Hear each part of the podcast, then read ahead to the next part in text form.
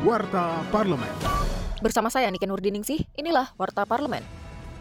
Menyusul bencana gempa bumi yang terjadi di Kabupaten Cianjur, Jawa Barat, Ketua DPR RI Puan Maharani meminta pemerintah pusat dan daerah cepat tangani korban bencana. Ia menegaskan keselamatan warga harus menjadi prioritas. Puan mengingatkan agar korban luka-luka segera mendapat penanganan, mengingat banyak pasien korban gempa yang terpaksa menjalani perawatan di halaman RSUD Cianjur.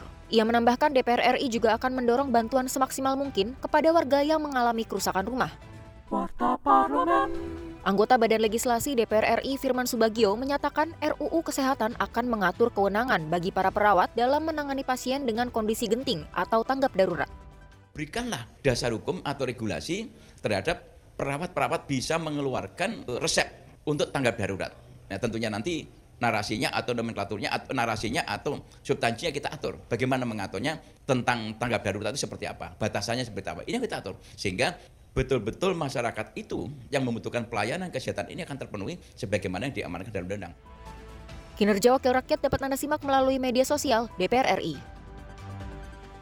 Anggota Komisi 9 DPR RI Charles Honoris mengingatkan perusahaan rintisan atau startup di tanah air mengikuti aturan perundang-undangan saat melakukan pemutusan hubungan kerja kepada karyawannya. Hal itu disampaikan Charles dalam menanggapi badai PHK yang melanda sejumlah perusahaan rintisan baru-baru ini. Ia menekankan Komisi 9 akan memastikan BPJS Ketenagakerjaan membayarkan klaim jaminan kehilangan pekerjaan serta hak-hak pekerja lainnya bagi para pekerja yang terkena dampak PHK. Komisi 9 DPR RI juga meminta pemerintah melakukan berbagai upaya untuk mengantisipasi gelombang PHK yang dikhawatirkan akan terus berlanjut.